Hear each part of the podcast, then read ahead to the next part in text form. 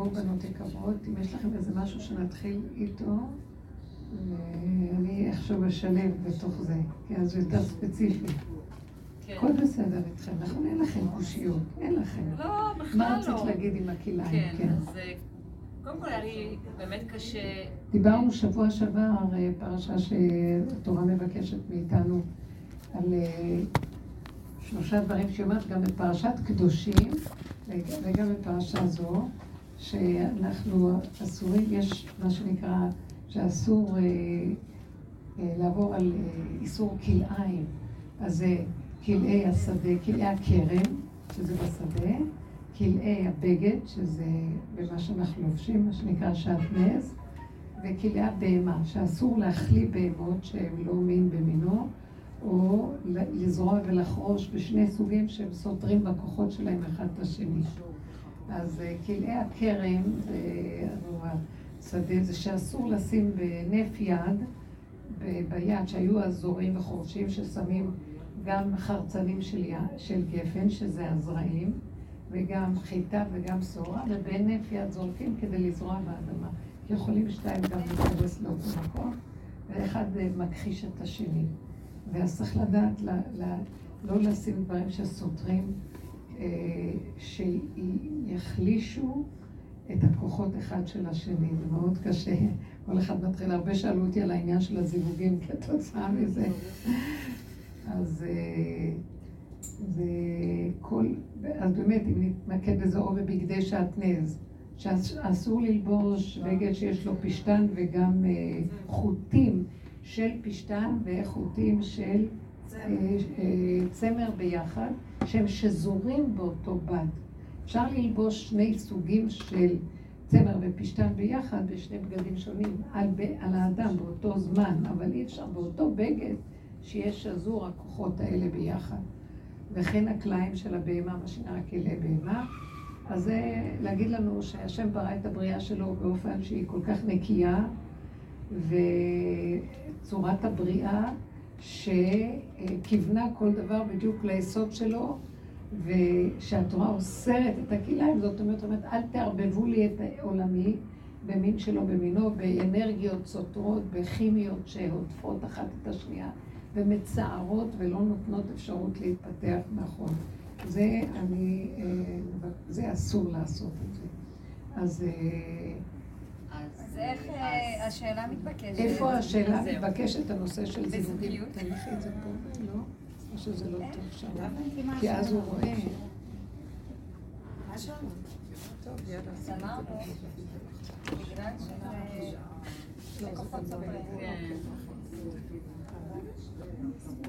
איפה בנושא הזה של זיווגים יבוא הדבר הזה? בכלל צריך להבין שאנחנו כאן בתוכנת עץ הדת, בעולם התיקונים, זה נקרא עולם התיקון. עולם התיקון זה עולם שתודעת עץ הדת. ברגע שאכלו מעץ הדת, נהיה ערבוביה מאוד גדולה של כוחות הבריאה. טוב ורע, וטמא וטהור, מותר ואסור, והפסול עם הכשר, והכל התבלבל, והעולם התערבב ערבוביה גדולה, שכתוצאה מהערבוביה הזאת נוצר צער נורא ואיום לבני אדם, וכמובן לעולם עצמו. לטבע של העולם שיצר, כל הזמן נוצרו קצרים, כמו קצר בבריאה, וקטסטרופות ודברים שהעולם, בני אדם סבלו מהם. ועל כן אה, באה התורה הקדושה, עם ישראל יצא ממצרים, אה, הבנים של אברהם, יצחק ויעקב, ש... אה, עבודת האבות הקדושים, שהם כל כך חרדו לבריאה, להחזיר אותה לתקנה, כי הם הבינו את הכללים ואת החוקים של היסוד האצילי שהשם ברא בעולמו, שלא יהיה ערבוביה, כמו שהיסודות שואפים מין למינו ולא לבלבל ולעשות אה, מצבים קשים. דיברנו על זה בשיעורים הקודמים. אה, דור אנוש בלבל את כל הרעיונות אה, של הרוחני והמוח והזכלים השונים והביא אידיאולוגיות שונות ומשונות לעולם, שמהם נוצרו סוגי עבודות זרות, חיפושים שונים ומשונים של כביכול הכוח האלוקי, כי אנחנו תחת השפעת עץ הדת, כי עץ הדת כל הזמן יש לו שאיפה להיות כאלוקים, וייתם כאלוקים, הוא מקנא באלוקות, וכל הזמן חוקר וחותר איך להגיע למדרגת האלוקים. וכמובן, אה, זו תוכנה, או מה שנגיד, אה, תודעה חיצונית, שאין לה הכרה מה זה אלוקות, כי לא יראני אדם וחי, ואין לא מחשבותיי מחשבותיכם, אין יכולת לאדם בבריאה לעמוד על דעת קונו, מה זה השם. אף אחד לא יכול להבין, כי זה לא סוג של מחשבת האדם. האדם יכול במחשבה שלו, ומה שניתן לו לחקור ולדרוש, במותר ובגלוי הוא יכול לדרוש. בנסתר, מה שאין הדעת סובלת, הוא לא יכול להשיג, אז אסור לו לחקור מדי, כי הוא ישתגע, או יכפור, מה שקרה לאנשים שנכנסו לפרדס. ורבי עקיבא יצא שלם כי הוא נשאר בתמימותו, מה שהוא לא יודע, לא יודע, הודה שמה שלא שלו, לא שלו, מה שיכול, יכול להבין, מה שלא, אז לא, והרפא ועזב. בעוד שבדור אנוש היו תאוות מאוד גדולות במוח להכיר מה זה אלוקות, ועשו הרבה שטויות.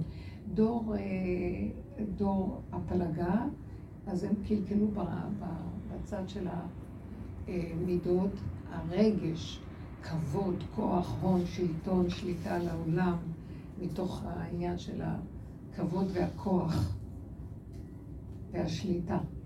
והעולם גם כן הזדעזע מפניהם, ויש בזה משהו יותר עמוק של כאילו הם יכולים לדעת איך לשלוט בכוחות בבריאה ולנתב אותם לתועלת עצמם, לשלוט באוצרות של הטבע, ועל ידי זה הם יהיו עשירים גדולים ויוכלו לשלוט בעולם, או לשלוט ב...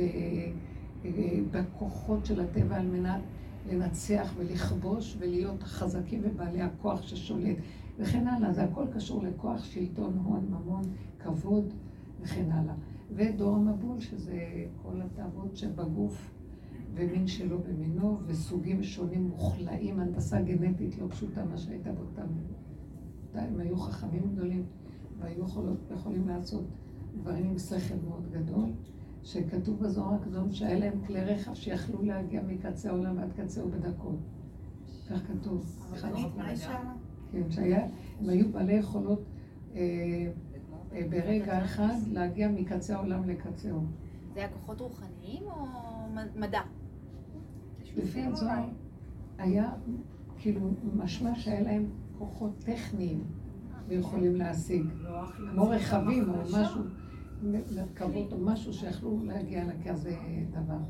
אז זאת אומרת שהיה להם זכלים מאוד גבוהים, זה לא מה שאנחנו חושבים, והם שלטו בכוח הבריאה. אה, גם היום, היום אנחנו נמצאים בבריאה במצב שאנחנו רואים את כל הקלקולים בבת אחת, גח. אה, כל הבלבולים של המוח, כל הכוח והשליטה והרצון, אה, הכוח בשליטה בטכנולוגיה של העולם והשליטה, איך, איך זה נקרא, הבינה המלאכותית, שבזה ממש אפשר לשלוט בהכל ואין מי שיגיד לך מה תעשה ומה תפעל. כל הרוחני המטפס על כל מיני דמיונות וכן הלאה. אז באה התורה הקדושה ואומרת בעצם, כל הרצון שלך לכוח, לשליטה, להיות כמו אלוקים, נובע מהתאווה של עץ הדת. שברגע שאכלו מעץ הדת, נהיה להם אה, מין תאווה שרוצה להיות כמו אלוקים. ולא יודעת את מקומה כאדם, היא מאבדת את, כי מחפשת. פרעה למשל רצה לשלוט בעולם, נבוכדנצר, יעלה על בעמותי אב, אדמה לעליון, כתוב עליו, אה, פרעה אמר, אני, לי אורי ואני עשיתיני, מי יגיד לי מה לעשות? וכן כל הגדולים של הדורות הקודמים לא אנושים פשוטים, והיו חכמים גדולים, אבל הם רצו להגיע לשליטה של הכוחנות, גם ברוחניות שהם חיפשו, הם רצו שיהיה להם את ה... הם אה, הקריבו עבודות זרות כדי שהכוחות בטבע יהיו קשורים איתם, והם יוכלו לקחת מהם את הכוח, כן? שהבני אדם יוכלו לקחת את התכונות של המלאכים וכל הכוחות והתכונות שבטבע. לשלוט על אה, תכונות בכדור. זה, זה עובד? למה, למה ירדת? למה זה ירד באמצע? כי שיר אמר לי שזה לא רואים ולא שומעים. וככה לשלוט בכל מה שקורה. אם כן, בסופו של דבר, מה שנהיה הוא שבאה התורה לעולם ואמרה בואו נעשה סדר. בני אדם חרגו מהכללים ובואו נעשה סדר. עכשיו, בתוך העולם כולו קודם כל התגלה שיש בורא לעולם ונתן תורה, וכולם ראו שיש בורא לעולם. אבל ישר הם הבינו שהבורא לעולם זה לא דבר שאפשר להתחרות בו. זה, הם אמרו נעשה ונשמע, התבטלו באהבה של הכנעה מוחלטת לכוח האלוקי, ולא באיזה רצון להיות כמוהו ולשלוט. הפוך על הפוך על הפוך, זה להתבטל ולהיות כלי שמה שהשם רוצה שיעשה איתנו. זו הייתה הכרה במעמד הר סיני. אבל אחר כך שוב פעם כוח מעשה העגל שחרר את הכל, ועוד פעם נכנסנו למאבק של הכוחות, ועכשיו התורה בתוך עץ הדעת נותנת לנו כללים וחוקים איך לא לחרוג על מנת לא לאבד את היסוד הזה, מי הוא הבורא ומי הוא הנברא. אז עכשיו אפילו התורה אומרת לנו, אל תתעסקו בבורא בכלל. אין לכם, אין לכם שיג ושיח איתו, יש לכם כללים שתעבדו בחוקים, תלמדו את הדינים, החוקים, המשפטים, אשר יעשה אותם האדם, ולא יקלקל ויהרוס את הבריאה, ואז הבריאה תניב לו פירות טובים, וצמח אותו, ויהיה אה, הנברא ובריאתו משמשים את בוראם. וזה מה שהתורה רוצה מאיתנו, שלא נחרוג ולא נעבור. וכל הדינים שייכים לדבר הזה. עד כדי כך התורה כל כך מזהירה אותנו שלא לחרוג ברוחניות הגבוהה, וכל הזמן חכמים פחדו מהאורות האלה, האורות של הדברים הגבוהים, שאפילו את התפילות, שזו עבודה שבלב כתבו לנו איך להתפלל.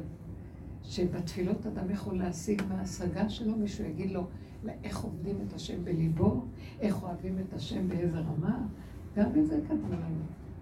בגדר הזה, בגדר הזה, ואהבת את השם אלוקיך בכל לבבך, בכל נפשך, בכל מאודיך, בשעה הזאת, בזמן הזה, בנקודה הזאת, לא מה שבא לך תעשה, ואיך שאנחנו אומרים לך ככה בגדר. שימו לב איזה מצב זה, שהאדם לא יכול מעצמו לעוף בשום צורה. נורא פחדו חכמים מכל הסוג הזה של אורות למיניהם.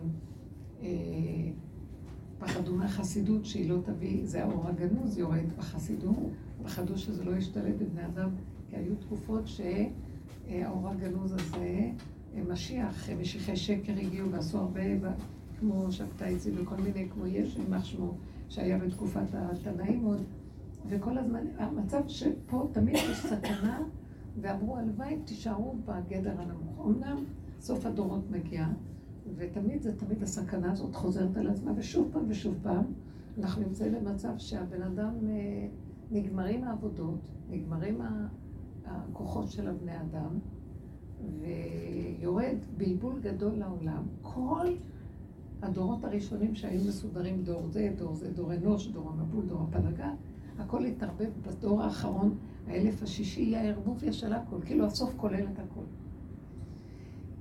ויהיה כאן בלבולים, ויהיה, הבני אדם יהיו תשושים ועייפים, וכולם ירצו גילוי אחר ממה שהיה רגיל בגלות, יחפשו את השם ואת דוד מלכם, מה שנקרא. ואז תמיד יש את הסכנה עוד פעם שלא יחרגו ועוד פעם ילכו לבלבולים ולקלקולים. אז איך אנחנו אוחזים בחוקים של התורה שנישאר בצמצום הפשוט, ומצד שני, בתוך כל זה, להגיע עד מדרגת הגולם, ומהגולם מתחיל אה, להיכנס אור אחר. אז רק הגולם יכול להציל אותנו, כי הגולם הוא, זאת עבודה שאנחנו עושים, הוא מפרק את הרצון, נגמר לך הרצון לכלום, אפילו לאכול אין כבר כוח. הכל כואב, הגוף כואב, אפילו אין כוח לזה. אין, אין רצון לשלוט או כוח.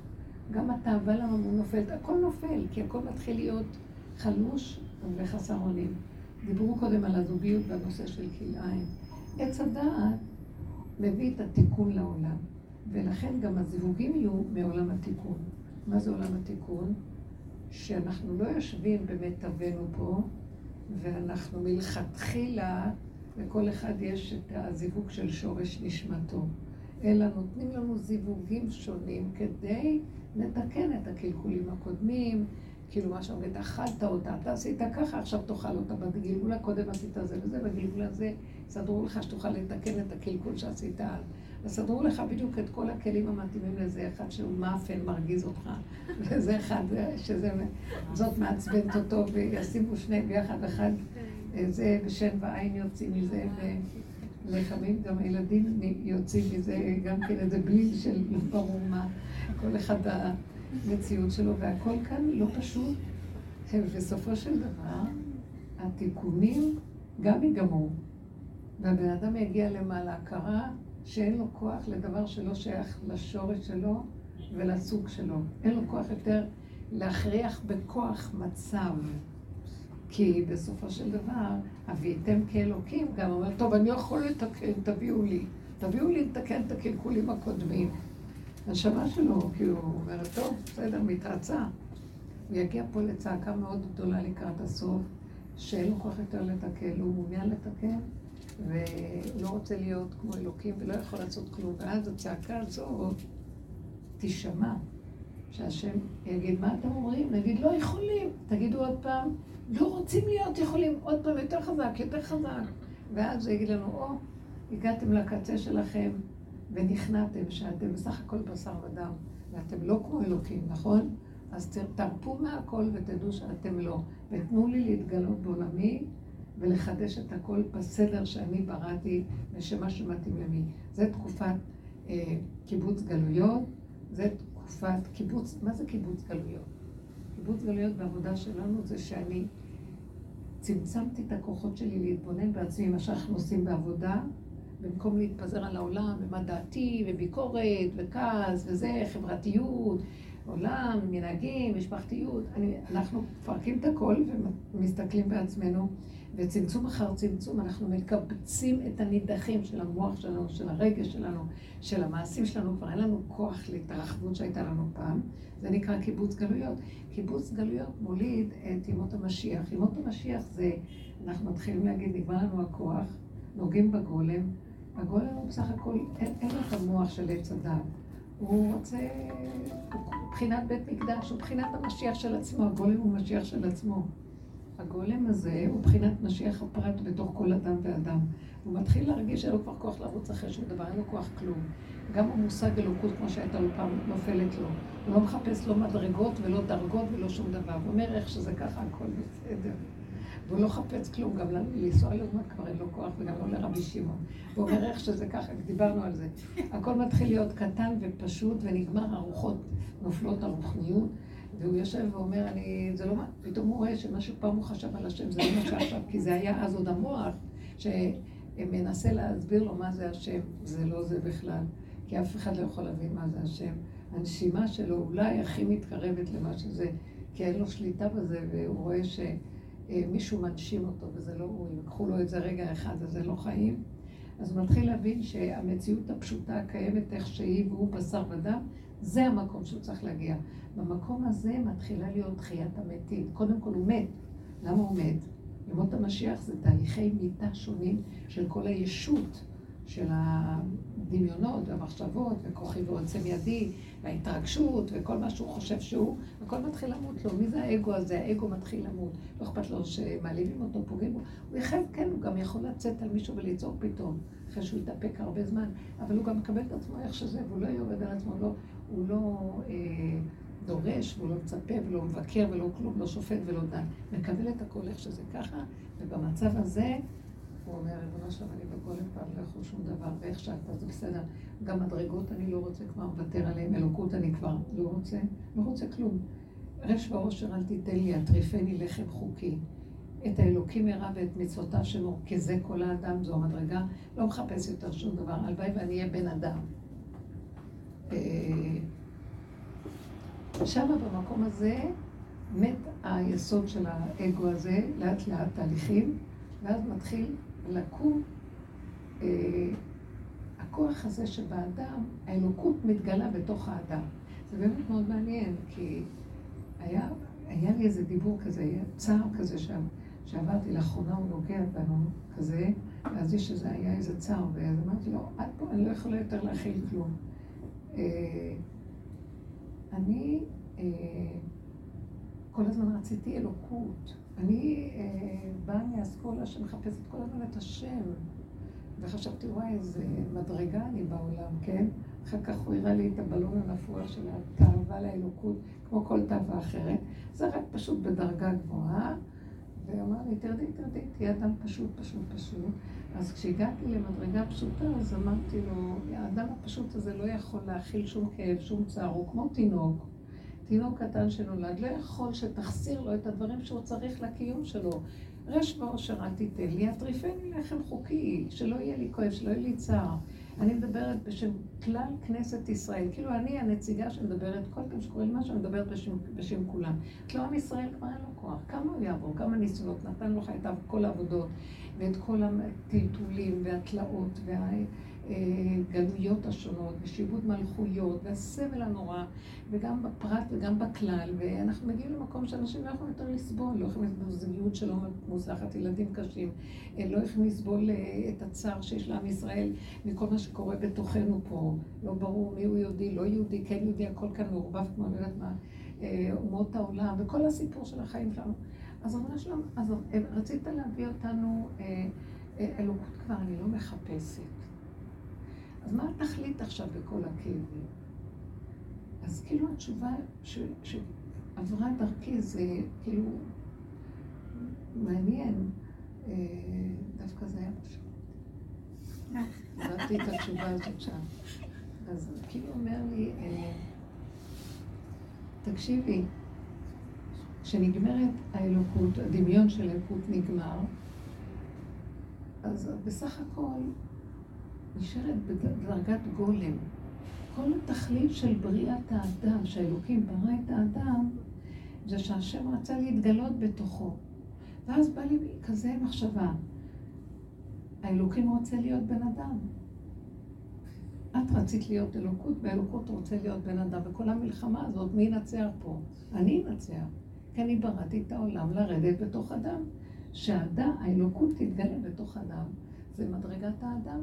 אדם שיש בו כוח אלוקי. ואדם גוזר, והקדוש ברוך הוא מקיים. צדיק גוזר, והקדוש ברוך הוא מקיים. זה החידוש הגדול. אתם שמתם אותי בשמיים, ולא נתתם לי להתגלות עליכם. אתם רציתם להיות, בשם, להיות אלוקים, ואמרתם, Don't call us, we call you. תעלו לשמיים ותחשבו שאתם יושבים שם, אבל לא בשמיים היא. מעניין שזו פרשת ניצבים עוד מעט. אה, אחרי כי תבוא יש פרשת ניצבים, וניצבים... אה, אומר לנו את הפסוק הזה, כי המצווה הזו שאני מצווה אתכם היום. שזה התורה, יש כאלה שמפרשים שזה כל התורה כולה נקראת המצווה, ויש כאלה, לפי הרמב"ן, זה מצוות התשובה. אני מצווה אתכם לשוב אליי ולהכיר. לא בשמיים היא, לא מעבר לים ולא בארץ רחוקה. ואל תתחיל, אל תמשיכו להתאמץ עם העבודות הקשות שלכם. סתם אתם, אני פשוט רציתי שקופסה, מקדש, מחול לשבטך פעלת השם, משהו בגשמי, בחומר הגשמי הפשוט, עם הצורה שנתתי לו, שאני יכול להיכנס בתוכו. הצורה שלכם בצלם אלוקים זה צורת כל העולמות שבראתי עם צורה שלכם בחומרי. אני נכנס בו, וזה תאוותי, וזה מה שאני רוצה מכם. אז האלוקות נכנסת למדרגת אדם. ואז אז מדרגת האדם היא הדרגה הכי גבוהה שיש, אתם אפילו לא מגרדים את השטח להגיע למדרגה הזאת. כי כל פעם שאתם רוצים להיות מלאכיים ואלוקיים, כביכול אתם זה לא מה שאני רציתי בעולמי.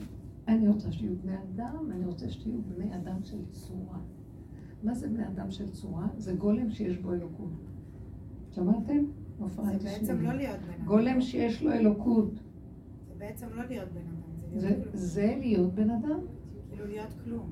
מה שאת חושבת שאת בן אדם עכשיו בדמיונות, זאת אומרת, זה לא להיות בן אדם, זה לא להיות מה שאני עכשיו. לא, מה שאת עכשיו זה תת רמה, ומה שאני, אנחנו תת רמה.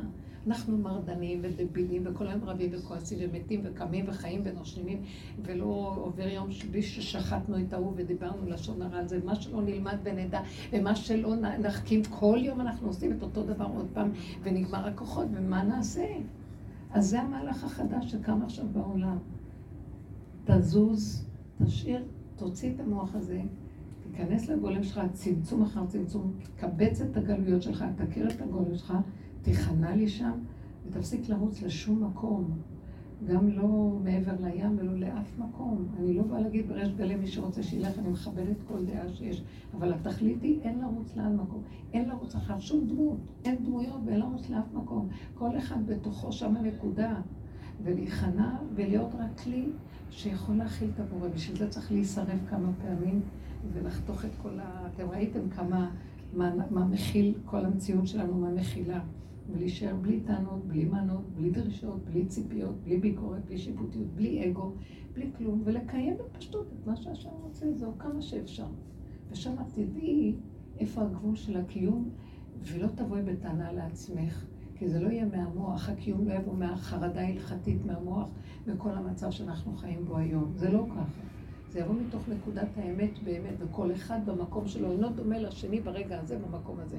לא חיים עם הרגליים בתוך הראש, שזה הספר, אלא חיים עם הראש בתוך האדמה, שזה בבשר ודם. שזה יסוד עץ חיים, שזה השורשים של התורה, מתגלים בתוך האדם.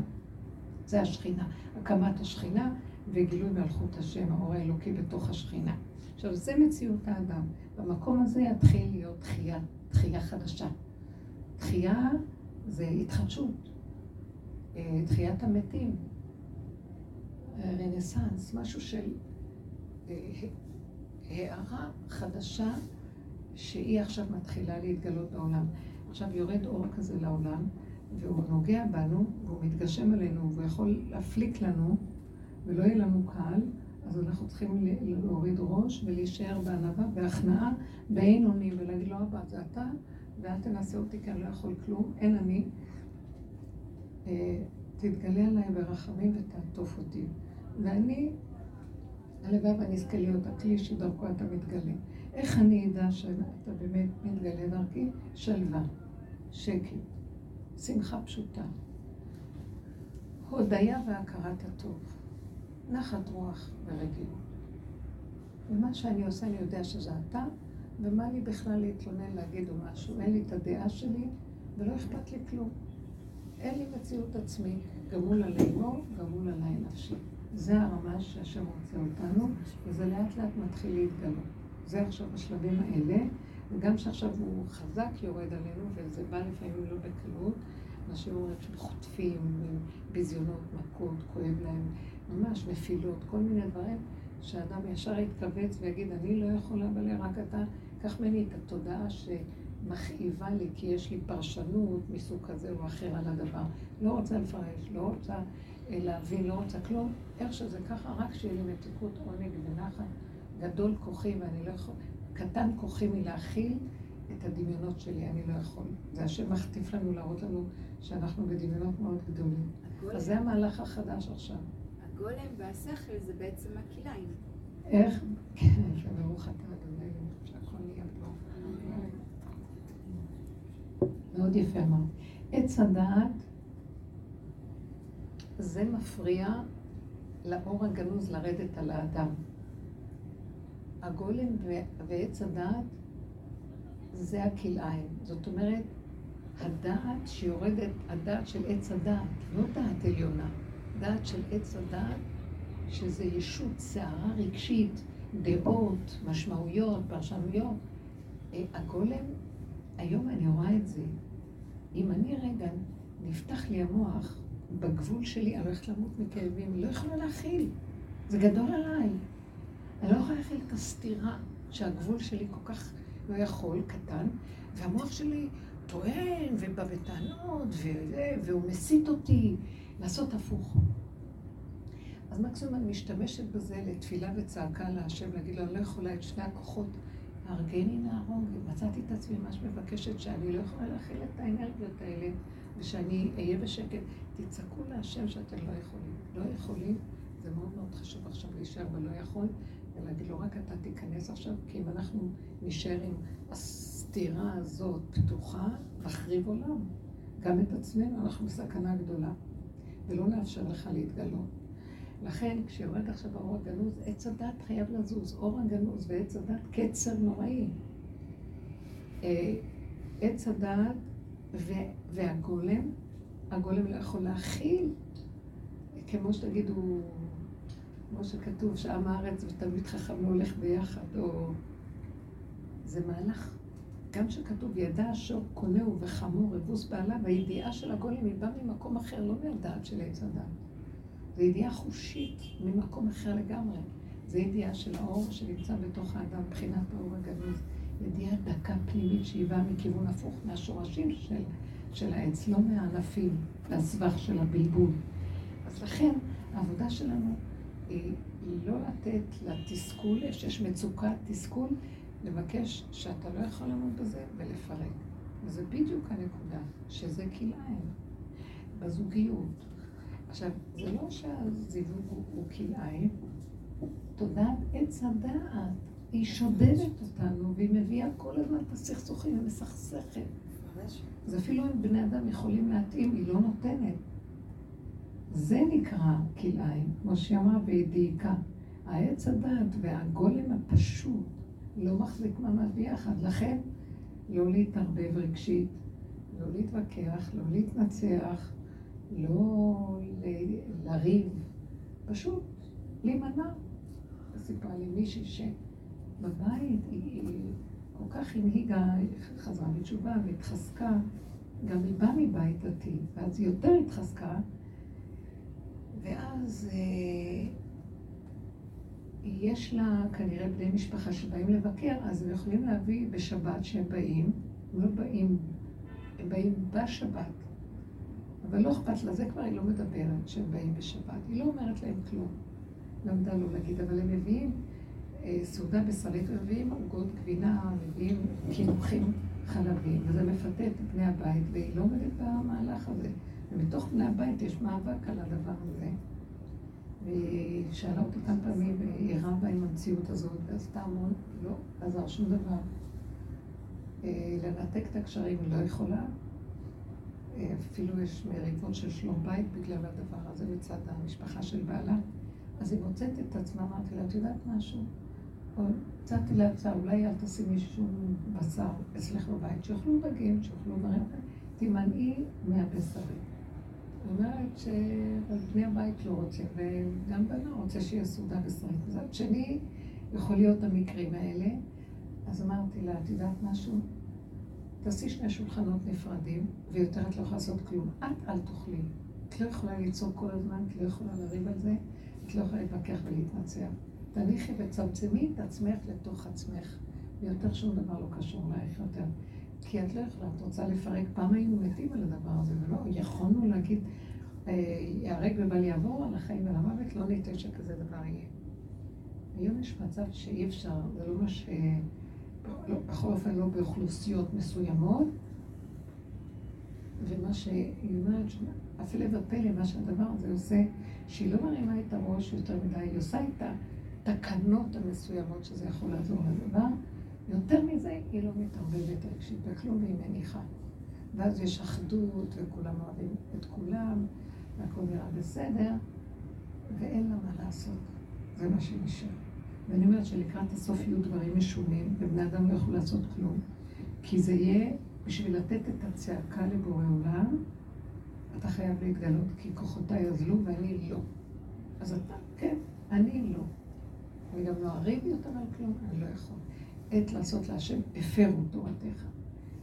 עד עכשיו נלחמתי על כל תג, על כל קוץ. אני יכולה עם עצמי, אני לא יכולה להכריח את סביבתי. ולא נחפש את מדרגות הצדקות, וגם לא ניכנס למצוקות של הצער על מה שקורה, כי אין לנו כוח גם להסתער יותר על כלום. אם הלוא אתה שמתגלה בעולמך, תבוא ותעשה סדר בעולם, אנחנו לא יכולים. זאת אומרת, תיכנס בתוכנו, מה זה תבוא ותעשה סדר?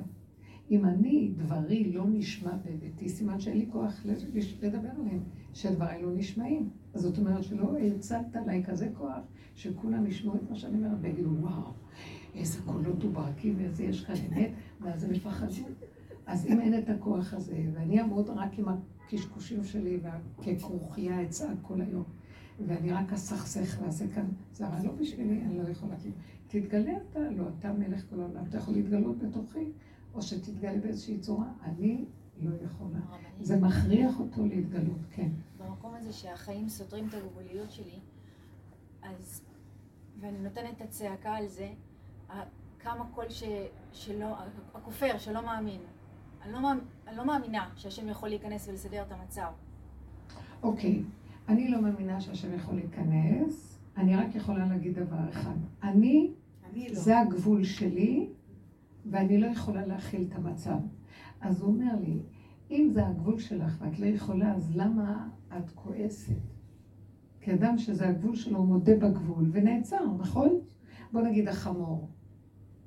הוא לא יכול להמשיך. כשהוא מתעייף, נגמר לו הכוח, הוא רובץ, לכי תקימי אותו. הוא לא יבעט, הוא לא יעשה כלום, הוא פשוט לא יקום. כי זה מכריז על האמת האמיתית שלו.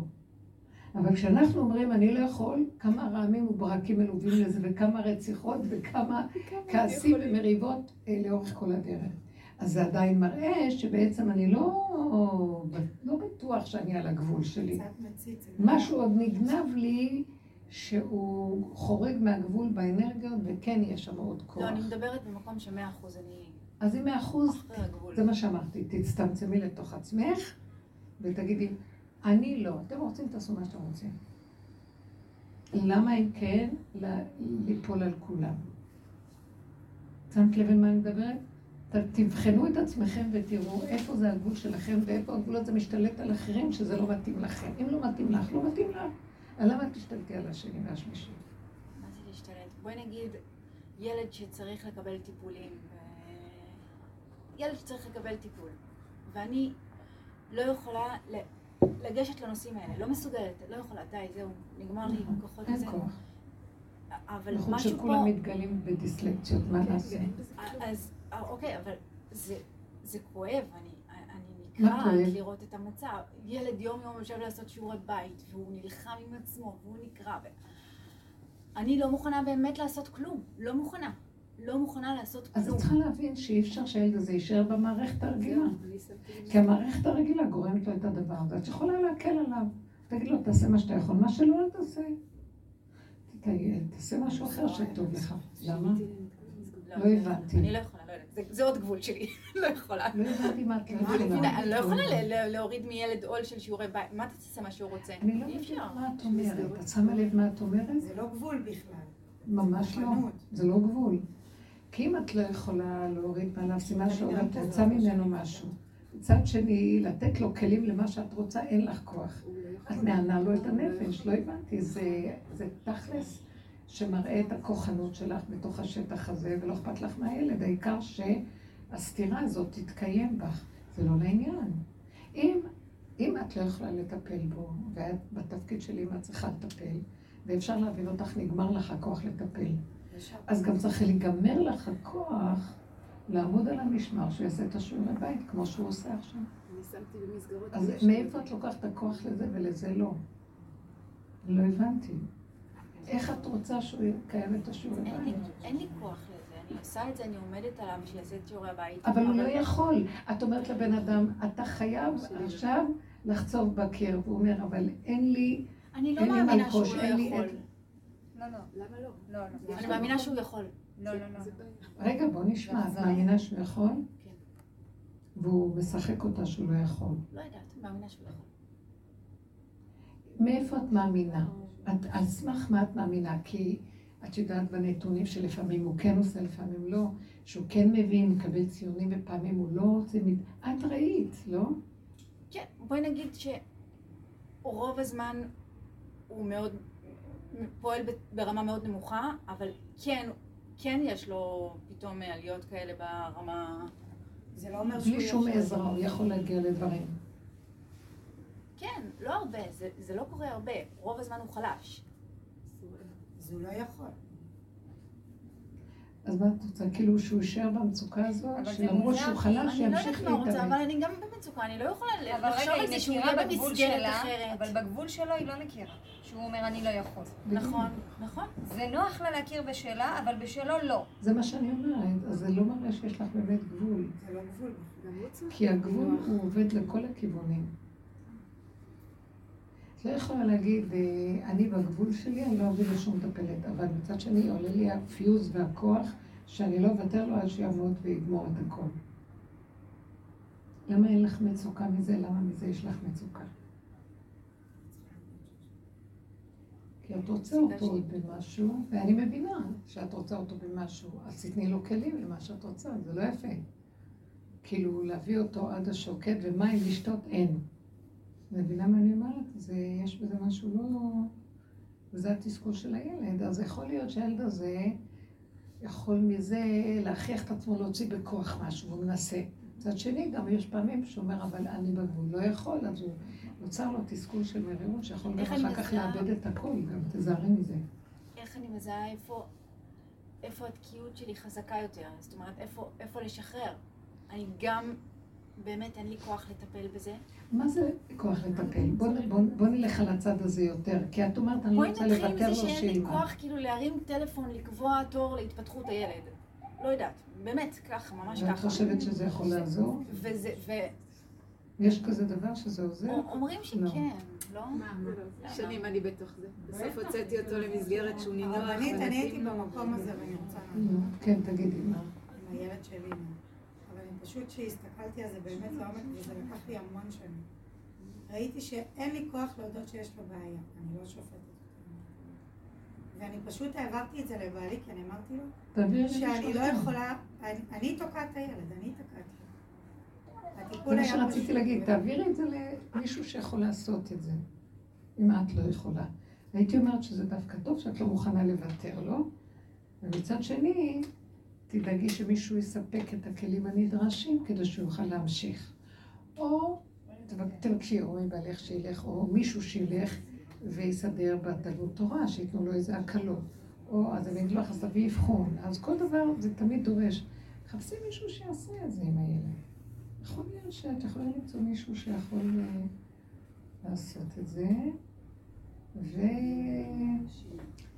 וגם הייתי אומרת, גם אפשר לקחת אפשרות אחרת. שבנים נדרשים ללמוד תורה, על פי הדין תורה, שבין הילדים בישראל חייבים לשבת ללמוד תורה.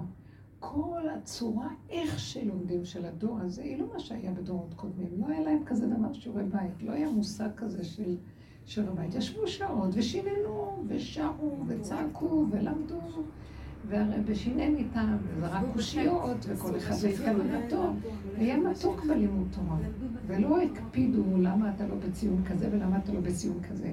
כל אחד כפי יכולתו, כל אחד באשר הוא, אין לו פטור מלשבת, אבל יש לו עניין אה, להשתתף כפי יכולתו. המערכת היום היא אחרת, היא משווה קטון לגדול, וכל הזמן יש תחרות וקנאת תשמרהו, כאילו זה ידרבן אותם, והיא יוצרת מצוקות מאוד גדולות, ואז יש ציונים ותעודות, ואז יש תחרות, ואיזה בושה זה שילד מקבל ציון והשני לידו מקבל יותר. אני לא מבינה איך הם עושים את זה, יש בזה משהו אכזרי שאי אפשר לתאר. מצד אחד זה כאילו מדרבן את הילדים, אבל זה יוצר פילוג מאוד גדול, והרבה ילדים שרוטים מזה, והנפש שלהם מאוד ירודה. לא מזהה כולם גאונים. ולא כולם יכולים להשיג, וזה יוצר גאווה ויהירות והתבדלות. מערכת קשה שהיא לא, לא מה שהתורה רצתה בכלל. זה לא מה שהתורה רצתה. גם הוא לא לומד היה. כתוב על אה, רבי אלעזר בן עזריה, שהוא נהיה ראש הישיבה ביום אחד, בגיל 18, משהו כזה.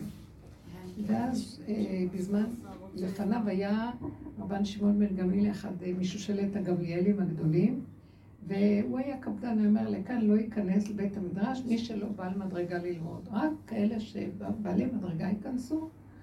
וביום אחד ששמו את השני, הוא פתח את השערים ונכנסו כולם ולמדו. ובאותו תקופה שהוא הכניס את כולם, חידשו כל כך הרבה הלכות והתפתח הלימוד ונעשה משהו...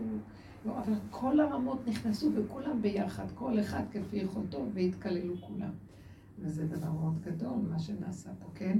עכשיו, הוא פתח לכל הרמות ולכל האפשרויות, ולא אמר מי בעל מדרגה כזאת ייכנס, מי לא שלא ייכנס פה. אז אה, זה משהו אחר. ומה נעשה שאנחנו... אבל המערכת מאוד... אז אני הייתי אומרת, כשמזהים מערכת כזאת, זו מצוקה רגשית נפשית, יש צער מזה, אפשר גם להבין את הילד ולדאוג שהעיקר שלו זה שהוא קם בבוקר והולך ללמוד תורה. אם הוא עושה שיעור בית או לא, זה לא. אז הוא יכול להגיד לו, אני מוותרת לך, תעשי- תעשה מה שאתה יכול עד איפה שאתה יכול, ואל תנצל, ותהיה באמת במקום שלך, והשאר, אם אתה נתקל בקשיים וזה, אני מאחוריך. אז תבוא אחר כך, תגיד, לא, לא יכולתי, לא הבנתי, לא היה מי שיעזור לי, נקודה שלו. זה מה שאני יכול. וגם את יכולה לדבר עם הרב ולהגיד לו, הוא מקיים את מצוות לימוד תורה. באיזה דרגה ובאיזה רמה, כל אחד כפי רמתו. אי אפשר להפריח את כולם מאותה רמה. וזה מה שתגיד לו, אני לא יכולה להילחם עם התפיסה הזאת, יש לי עוד ילדים, יש לי בית, וזה מוציא אותי מהחיים. אני דפוקה, כי תפילי אני בו. בכלל לא, הבעיה שלי מה אני אגיד לרב. הבעיה שלי זה זה שאני חושבת שהוא צריך לעשות את השיעורי בית בשביל שלא יהיה לו חורים. אין לי בעיה עם מה אני אגיד איזה לרב. חורים. שהוא צריך ללמוד. את רואה, את גם מבולבלת. מה זה החורים? איזה חורים? איזה חורים? חורים של מה? של התוכנית? של התוכנית שאנחנו רוצים להדביק אותה? יש שכל, צריך... זה לא סותר, זה לא סותר. התורה זה לא שכל רגיל. עשו את זה לבית ספר ולאקדמיה והתייוונו קצת בכל הסיפור הזה. בכל לימוד התורה זה לא היה ככה. בזמנו של הרמב"ם קראתי את. כל הביוגרפיה, זה שלו, שהוא, כל... איך זה נקרא? הביוגרפיה שלו. אז הוא היה... הוא למד אצל רבי מיגש, שהיה אז גדול הדור בדורו, בישיבה גדולה. הייתה ישיבה, אולם גדול, כולם נכנסו, הזקנים והצעירים, והילדים והבחורים, והנשואים, וכולם, כולם ישבו ולמדו, וכל אחד בדרגות השונות, וכל התורה נשמע בארצנו, ונשמע הייתה שמחה. שמחה גדולה מלימוד התורה, ולא ישבו כמה אתה יודע, לא יודע, לא יודע מה יודע. ויפה, והיה כאלה שלא יכולים גם לקלוט את הקצת הזה, באו רק לשיעורים מסוימים, ועבדו. ולא, היה אמת פשוטה של איך שזה ככה. עכשיו, ילד, כן, זה טוב שילמד, מחויב. אבל התוכנית היא אכזרית, וזה גורם לנפילות מאוד. כואב לי הלב מאוד לשמוע מה שאת אומרת. ואז תביני, אחרי כל הדרך שאנחנו עובדים כאן, תשחררי. תשחררי ותגידי, כן, אני רוצה שתלמד. אז תאמרי לילד, ואתה, לא עלינו המלאכה לגמור. ומצד שני, אתה בן חורין ייבטל ממנה, ואתה לא יכול אה, ל- ל- להתפרפר. תשב, תלמד, תעשה מה שאתה יכול, ומה שגדול עליך ויותר מדי עליך, והכל שם אתה תקבל אצלי כולו. כולו תקבל הקלה. זה חשוב שיהיה לו הקלה. כי ההקלות האלה מאוד טובות. הוא לא יכול, הילדים לא יכולים, הם לא יכולים להכיל.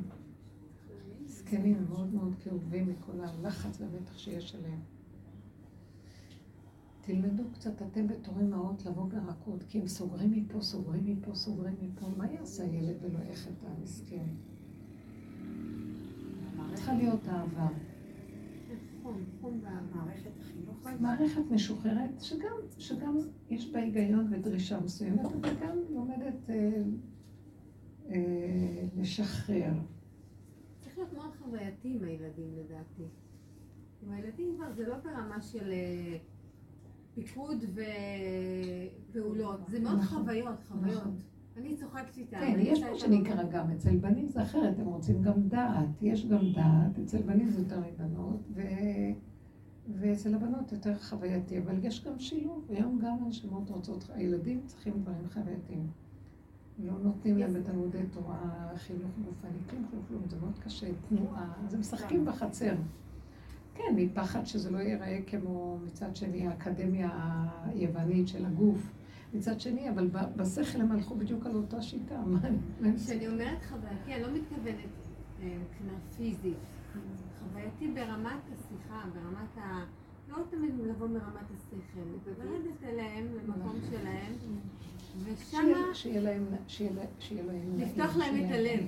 את הלב. נעים בבית. תדברי, תבקשי וזה, אז לכן זה הנקודה. הסתירה פה היא לא, היא לא אצל הילד, היא... תתיישבי בדעתך ותביני, מצד אחד באמת לא להפקיר ולהגיד לא אכפת לי, מצד שני גם לא לשבת עליו ולהכריח אותו איפה שאי אפשר לתת לו את העזרה הנאותה, כי זה לא פייר, זה לא, לא יכול, צריך עזרה. את פתח לו. איך? כמו שנאמר, את את פתח פתח לו. לו. מאוד יפה, נכון. נכון. תעזרו לילדים במה שאתם יכולים.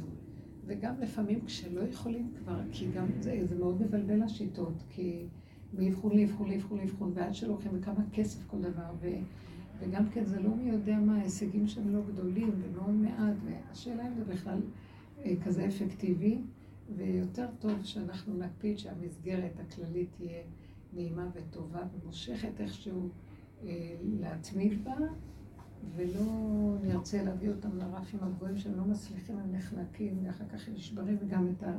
בסוף כלום לא תופסים מזה. תפסת מרובה לא תפסת, זה המקום. ובסופו של דבר, אה, נחזור עוד פעם למה שדיברנו, תשאלו עוד פעם משהו. אמרנו שבתוכנית של התיקון, הכלאיים וכל ה... זה, זה, כאן זה יסודות, באותו חתיכת עובד אסור לשים שני כוחות סותרים. בבית יש שני כוחות סותרים למשל, דעה כזאת, דעה כזאת, או שתי אישויות, ולפעמים זה מאוד מאוד קשה. אה, התורה אומרת, אז תעשה, החולצה יכולה להיות מצמר, אבל המכנס לא. אז זה לא צריך לשבור, לפרק, צריך פשוט לה... לעקוף, לא לעמוד אחד מול השני ולהתערבב באריג אחד. אתם מבינים מה אני מתכוונת? לעקוף. בוא נגיד שזה בחינת חמור וזה בחינת שור. יש כזה דבר בזיווגים. תודעה כזאת, תודעה כזאת. אחד עקשן כזה ואחד יותר דעתן, או אה, אה, אחד יותר פשוט, פשוט, פשוט ונכנע, ואחד יותר שכלי ובעל גאווה. כל מיני תכונות. אז אה, צריכים לדעת לעקוף. הדרך שלנו לימדה אותנו. לא חייבים לעמוד אחד מול השני ולהיתקל ולעשות קצר. אפשר לעקוף, לזוז. אה, לא לעמוד בכוחות אחד מול השני וליצור מציאות של צער. צער מהמצב. אתם מבינים מה מתכוונת שזה בלתי נסבל, כי האנרגיות סותרות וקרובות ולא יכולות להכיל אחד את השני. זה מאוד קשה כשעומדים ככה. זה אסור שנעשה את זה. בכל דבר. שאני אני היום רואה דבר שאני הולכת ל... אה, הוא סותר אותי ואני לא יכולה להכיל אותו, אני זזה. אני מודה שאני לא יכולה. זה כמו שאמרנו, תגידו שאנחנו לא יכולים. ואני לא יכולה. ולמדתי לוותר על מה שחשבתי, ש... או על איזה שיחה, או על איזה אינטראקציה, או על איזה... לא. אז עושים משהו בתוך כל זה, בקטן, ומושכים. זה נחמד, זה טוב, הבנתם מה אני אומרת? כי ברגע שהדעת מדקדקת, אבל אני רציתי שיהיה בינינו שיחה, ושיהיה לנו איזה קשר כזה חברתי מיוחד. זה הרצון, זה לא מסתדר, אז לא, נעקוף את זה ונעשה את זה בצורה אחרת. אז למה המוח מיילל והוא כזה מסכן שאין לו? כי הבן אדם רוצה להיות כמו אלוקים מושלם, שיהיה לו כל מה שהוא רק רוצה. לא. זה גם עם הילד אותו דבר, זה לא מסתדר מה שאני רוצה, אז בוא נעקוף ונעשה את זה בצורה אחרת.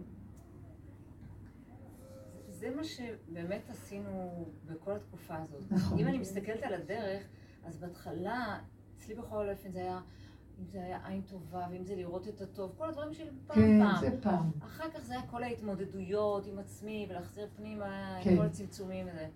היום נהיינו בגבול. אז אנחנו בגבול. אז עכשיו גם הוויכוחים ירדו, וה, ו, והמריבות והדעתנות גם, השיפוט נפלו, נפלו, נפל, נפל, נפל. ומה נשאר? אבל כן נשאר צער. לא צער של הוויכוחים. בוא נבדוק מהו הצער הזה. זהו, אני מנסה להבין מה זה הצער הזה. אני כאילו, ראיתי את זה, אני בדקתי את זה גם. להיווכח ל... הצער הוא נובע מזה שאני מגיעה ליחידה שלי, לגולם שלי, והוא מאוד מאוד ספציפי ומיוחד עם עצמו. מאוד קשה לו להתקלל במשהו שסותר אותו. הוא מרגיש בדידות. ואז הצער נובע, אני בודדה. אני לא יכול, או אני מאוים מהשני שהוא סותר אותי, ואז הוא יבקר אותי, ואז אה, הוא לא נותן לי את מקומי. מישהי אמרה לי, לא נותן לי את מקומי בבית, ואז אני לא מרגישה נוח בבית. אני הייתי רוצה שהבית יהיה כולו רק שלי, אז יש לה צער בזה שהבית לא כולה רק שלה, נניח. אז אמרתי, אז מה את עושה בשביל זה? אני מתפללת שהוא ימות. אמרתי לה, כל המתפלל על חברו נענה מפחדת, תגידי, מה? מה את עושה פה?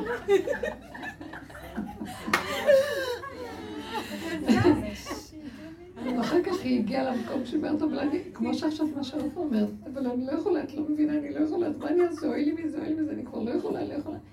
אז הצעתי לה איזה משהו אחר.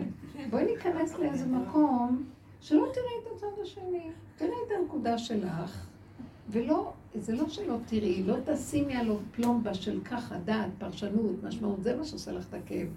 נכנס, יוצא, בא והולך, לא צריך, אז מה? אז אני מרגישה בודדה, כי אני רוצה את הזיווג האמיתי שלי, אמרה לי. אני רוצה את החבר האמיתי שיכול לדבר איתי ושזה, אז אמרת לה, גם זה דמיון. כי גם הזיווג האמיתי אפשר רק לרגע. יש יכולה להיות שיחה יפה לרגע, אינטראקציה. נחמדה לרגע, כי אף אחד אחד, אף אחד שכל אחד הוא אחד לא יכול להיות שתיים. זה אשליה. הרבנית, אבל דיברנו על זה שאנחנו כבר לקראת באמת סיום התיקונים, ולא רק זה שאנחנו פה בעבודה כבר גמרנו עם זה. זה מה גמרנו? גמרנו? מהתיקונים. אין פה- תיקונים, אז תחזרי לנקודה שלך, ותביני שככה זה.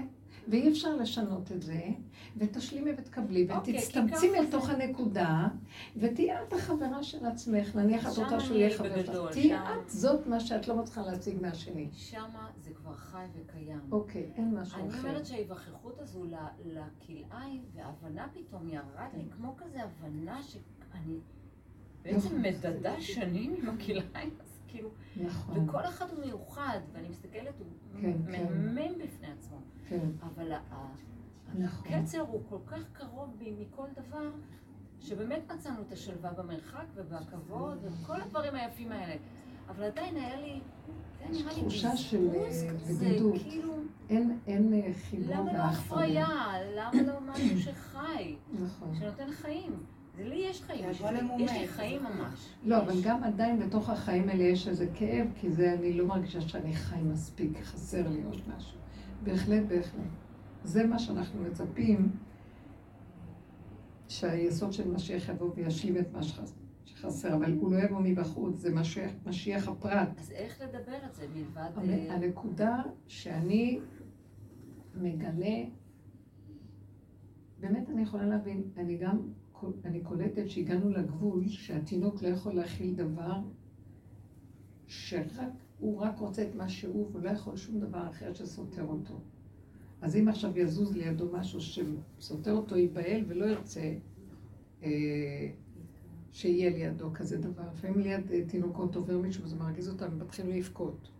מפחדים. אז יש כזה דבר. אז אנחנו הופכים להיות גם כן ככה. אה, פשוט תפתחי את הפה ותבקשי מהשם. שהגעת למקום, ואני אומרת לו, שאני מגיעה למקום כזה שאני לא יכולה להכיל שום דבר שסותר אותי. ואם אתה הבאת אותי למקום הזה, ויש משהו שסותר פה, רק אתה תגשר. אני לא יכולה יותר, ואתה תהיה הכל, כמו שדיברנו קודם, וזה הגבול שלי, ואתה תגשר. ויש לך הרבה צורות, או שהמוח שלי בכלל לא יראה את השני, או שלא יהיה לי שיפוט, או שלא יהיה לי איזה מחשבה שלילית או משהו, כלום, שאני לא ארגיש את הצער. זה אתה יכול כן לעזור לי, שאני לא ארגיש. כן? אני לא ארגיש שיש לי, אה, שיש לי שלילה ואני מחפשת כבר איזה פתרון למצב שלי. אז אני מדבר, מתפללת על זה שהוא ייכנס והוא עושה מהפך לאנרגיה של הבדידות הזאת ולאנרגיה ש... שלא יכולה להכיל סתירה. לא שיש לי פתרון מבחוץ מה לעשות איתה. אני יושבת ומתפללת שם, סכנה. אז אה, אמרתי, זה מה שצריך להיות מבפנים, ולבקש שיהיה גילוי כזה של שקט, שלווה, רגיעות. עולם בתוך עולם, ששום דבר לא יפריע לי מה שקורה בחוץ ולמעלה, כי אנחנו יכולים להכיל את זה. זה מדהים, אבל הייתה אותי ממש תקופה. כזו מאוד יפה. כן, של, קבלה, ושל איך שזה ככה, הייתה שם חגיגה מאוד גדולה. כן. הרבה זמן. כן, כן, כן, זה רצו ושוב, ועכשיו עובר, אנחנו, עוברים לפאזה אחרת. קיצוני. בורא עולם מתגלה ובבשר. אז לכן אנחנו עוברים את הגבוליות והמצוקה של הגבוליות שלא יכולה. זה ממש חוויה, האור מתגלה בבשר, הוא נוגע בבשר עכשיו. זה גם קודם הגיע לאיזה מקום בנפש ונרגענו. עכשיו זה יורד למדרגה יותר עמוקה ויש סערה וצער וכאב פיזי גם. הגוף ממש חוטף מכות, לא יכול להכיל. ואז ממש כמו תינוק, הוא יכול לצעוק, אני לא יכול להכיל את האנרגיה, שהיא לא עושה לי שום דבר רע, אבל מספיק רק שהיא ברקע, כבר אני לא יכול להכיל. הדקות של התחושה היא כל כך חזקה. והרגישות גבוהה, האנרגיות מתחילות להתעדן ולא יכולות להכיל. האלוקות היא כל כך אוורירית, ושנייה אחת פה, ושנייה שמשהו סותר אותה, היא עפה. כלום, כלום, כלום, כלום. ולכן אנחנו צריכים לבקש רחמים שמה. כי זה לא, זה לא מדרגה שאדם יכול להכיל אותה אם אין עליו איזה משהו שיורד ומתחזק אותו. זה דווקא השם הביא את זה למקום הזה, כדי שנתעקש עם התפילות להוריד אותו יותר, שיתגלה עלינו, שירגיע את רוחנו ואת נפשנו, כי אנחנו לא יכולים להכיל. זה בחינת אה, הזיווג, יורד הזיווג האמיתי של האדם. מתחילים להרגיש שקט, שלווה נפשית, מתיקות, שגם כן יכולה גם להביא בסוף אה, שינוי, או השני גם משתנה, או אה, כן, יביא מצב שזה ירגיע את הגוף. אני לא רוצה להגיד פתרונות, אבל יש הרבה נשים רווקות או גרושות שמחכות לישועה ודבר. האנרגיה הזאת שאנחנו מבקשים ממנו שיעזור לנו, יכולה להביא שכשאני נרגעת בתוך הנפש וטוב לי, בשקט, בשלווה שאני מקבלת מהתפילה, אז בא אחר כך גם המצב של הבן זוג שאנחנו מחכים, שכל אחד מחכה לו, אה, בייחוד לכאלה שהן פנויות ורוצות אה, כן לבנות בתים. בעזרת השם יש הרבה נשים שמצפות ומחכות שהדבר יקרה באמת. איזה עצירה. אני, יש לי קבוצה של נשים, בנות יקרות מאוד, בוגרות, שהן בלי זיווגים. יש לי שיעור שלהם בירושלים, של קבוצה רצינית כזאת, בנות ברמה. והן רוצות כל כך להתחתן והכל תקוע. אז אני בעצם מתחילה, התחלתי איתם עם הנושא של לפרק להם את כל צורת החשיבה ואת כל הזה, לא, הם לא במדרגה של שנים של עבודה פה, אבל הן קולטות, אמרתי להם, תהיו שמחות עם מה שאתם, תעבדו עם הנפש שלכם, תגיעו לנקודה של זה ותראו שזה מה שיביא אחר כך, שיתיישב גם, יבוא, תבוא סיבה שתמשוך את המקום הנכון של כל דבר. וככה זה, וגם אה, יש עכשיו מהלך של שינוי. הדפוסים משתנים. הזוגיות שהייתה קודם של העולם התיקון מתחילה להיפסק. אנשים לא מחזיקים מעמד בזוגיות הזאת כבר, נגמרו התיקונים. גם כתוב שיכלו הנשמות בגוף, ושכבר לא, ההולדה בעולם תתחיל להיעצר. בגלל שכבר לא צריכים את הגופים, הנשמות יורדות בלי גופים כאלה. כן, זה זמן אחר. מישהי פעם אמרה לי, את יודעת, החיסונים גורמים שיש עקרות וזה, אמרתי לה, גם זה כנראה עוזר למצב החדש. היא הסתכלה עליי, כאילו עשית צינים חלק מכל החידושים והשינויים שיהיו בעולם. קשה להבין את זה. אבל העיקר שאני אהיה בשמחה, נודה להשם על מה שיש לנו וניכנס בתמימות הפשוטה. לא, לא לתת למצוקה לרכוש עלינו, לא נוכל להחזיק מעמד. תשתדלו להיות במתיקות, באהבה, בליהנות. רגע אחד עובר צער, להגיד אותו ולגמור את זה. ולא להישאר, למשוך את זה ולמתוח את זה. לא לפתוח את המוח. בקיצור, זה חוזר לזה שהמוח חייב להיות נעול. נעול, נעול, גל נעול אחותי קלה, גל נעול. ולא לתת לו לרכוש עלינו ולצייר אותנו. אנחנו עומדים לפני ראש השנה עוד מעט. להכין את המקום הזה. יכולה להסביר עוד פעם איזה נקודה, את אומרת שהמוח יהיה נעול ואת תהיי בגולם, אבל אז את מרגישה שם את הבדידות הזאת שדיברת. אז בעצם... לא, לא להאמין לה. לא להאמין למה שמרגישים. אז ההרגשה הזאת היא לא מהמוח גם, אני לא... כן, היא באה מהמוח, כן. אז למה אני צריכה להתפלל להשם שייתן לי... כי עדיין המוח פתוח, אז תגידי לו, תסגור לי את המוח.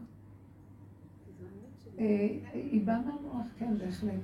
כי אתם יודעים מה שאני רוצה להגיד? אני, יש לי סוג של אנשים, כל מיני אנשים, השם שם אותי בסקאלה מאוד רחבה של סוגי אנשים. אני מכירה את המשפחות של התלמידים של רב אושר, דור שלישי ורביעי. ואני רואה איך שמה הזוגות מתחתנים, הצעירים הצעירים. אין בכלל, אתם לא מבינים, זה פשוט, פשוט, הכל מאוד מאוד פשוט. אין התניות. אה, מכירים, יש איזו התלהבות לזוגיות, לבניית בית, וזהו, כמעט לא מחפשים, כאילו יד ההשגחה מחברת, ואני ראיתי, אפילו שאת אומרת, איך יכול להיות, מה קשור זה לזה בכלל? אבל איך הם מחזיקים מעמד? יש משהו כמו ילדים קטנים, טבעיים, פשוטים, אף אחד לא שם עין על אף אחד, כל אחד חי את החיים שלו, וגם חוץ מזה הם גם מחוברים לכל מיני צורות, שעכשיו זה, עכשיו זה, עכשיו זה, עכשיו זה. יש משהו שזורם ופשוט ולא מתוחכם, דעתן, מבין, אורב לשני, או מחפש אותו, ובלתי נסבל. הכל מאוד פשוט, גולמי, כמו ילדים קטנים שמתחברים ויולדים ילדים לחיים, והכל פשוט, כל אחד במקום שלו. זה משהו שאני מאוד מאוד נהנית ממנו. לא לשים מוח בכלל, לא צריך מוח בדבר כזה. חיים. זה בשלו, זה בשלה, יש רגעים של חיבורים, יש דקות, הם מולידים ילדים בקורת גג אחת, ולא המוח הכבד, המליקי הזה שעורב אחד לשני ומפרש ואהה, והיא, והכאבים, והמצוקות, והשאלות, והזוגיות, ומה זה פה ולא פה. שורש הנשמה, זה לא שורש הנשמה, לא שואלים כלום. כאילו. אתמול היה אצלי שבע ברכות שעשיתי לזוג כזה, מהמשפחה שהם שייכים, וראיתי את התמימות והנקיות הפשוטה. שלא ידעתי איך, רגע אמרתי לעצמי, מה הקשר בזוגים כאילו? אין קשר, ויש בורא עולם שהוא מקשר, וזהו. והם לא שואלים שאלות, אין מוח ששואל. אין את התחכום המוחי העמלקי, זה אה, תמימות, פשטות, גולמיות. הדורות החדשים מתחילים להיות שם. לא מעניין אותם. וככה ברמה הזאת הם בונים בתים והם מקיימים את המציאות של החיים. מה? אבל זה לא ככה, אין שאלות. כן, זה ככה. הבנתי מה אני מדברת? נורא פשוט. וטעים ויפה. וזה חמוד נורא, אני אוהבת את זה. כמו ילדים שמשחקים בבית ואבא ואמא, וזה פשוט. בלי המוחות האלה, ובלי היגון והנחה, והציפיות והדרישות, והדפוסי מחשיבה, והספריות, והטיפולים, וכל מיני מטפלים למיניהם, השיטות, די כבר, תאכלו, תשתו ולכו לישון. מזמן יכלו כולם להתחתן ככה, אבל זה לא נותן, המוח הכבד הזה לא נותן. וזה הולך ליפול, הולך ליפול ממש. זהו, אור חדש על ציון תאיר טוב. תודה להשם יתברך שיזכה לנו, באמת עכשיו אנחנו לפני ראש השנה. אה, אני, בשבילי כל יום, אני אפילו לא יודעת מי ומה ואיך. לא מחכה, חיה את הנשימה, את הרגע, וברגע שיבוא מה שיבוא, זה מאותו רגע צריך לעשות מה שצריך, כי יש מה שנראה מנהגים וסגנונות, והכל בסדר, מה אכפת לי, ככה, ככה, ככה, ככה, שהכל בנחת, רק שיהיה לאדם שמח ולהודות להשם. ולהיות בגדר הזה שאנחנו כמו ילדים קטנים בממלכת השם, שימלוך בעולמו, אני לא רוצה להפריע לו, שהוא ימלוך לבד, רק לא להפריע לו, הלוואי אמן כן יהי רצון. כן, כי אנחנו בקצה בקצה, כי פרשת כי תבוא יש בה הרבה קללות שהן מזעזעות. אל תיכנסי לזה. ושאומרים, לא, אני רק רוצה להגיד נקודה שמשה רבנו כאן מדבר, זה לא מה שהשם אמר לו, זה מה שהוא מדבר מעצמו לה, בפרשת אה, בחוקותיי, נראה לי שמה יש את ה... לא בחוקותיי? פרשת, כן, בחוקותיי יש שם את הקללות. ובפרשה הזאת גם, ואני רואה, משה רבנו אומר, אבל תקשיבו רגע, אני פתאום מרגישה ואני מבינה סוף הפרשיות, ואחר כך פרשת אה, ניצבים לו בשמיים, היא לומדת סוף התורה, סוף הדרך, אנחנו היום נמצאים במצב של סוף הדרך. אין גם דרך אפילו, וכבר באיזשהו מקום אני אומרת, אה, אז מה עכשיו בעולם? הסוף של הכל.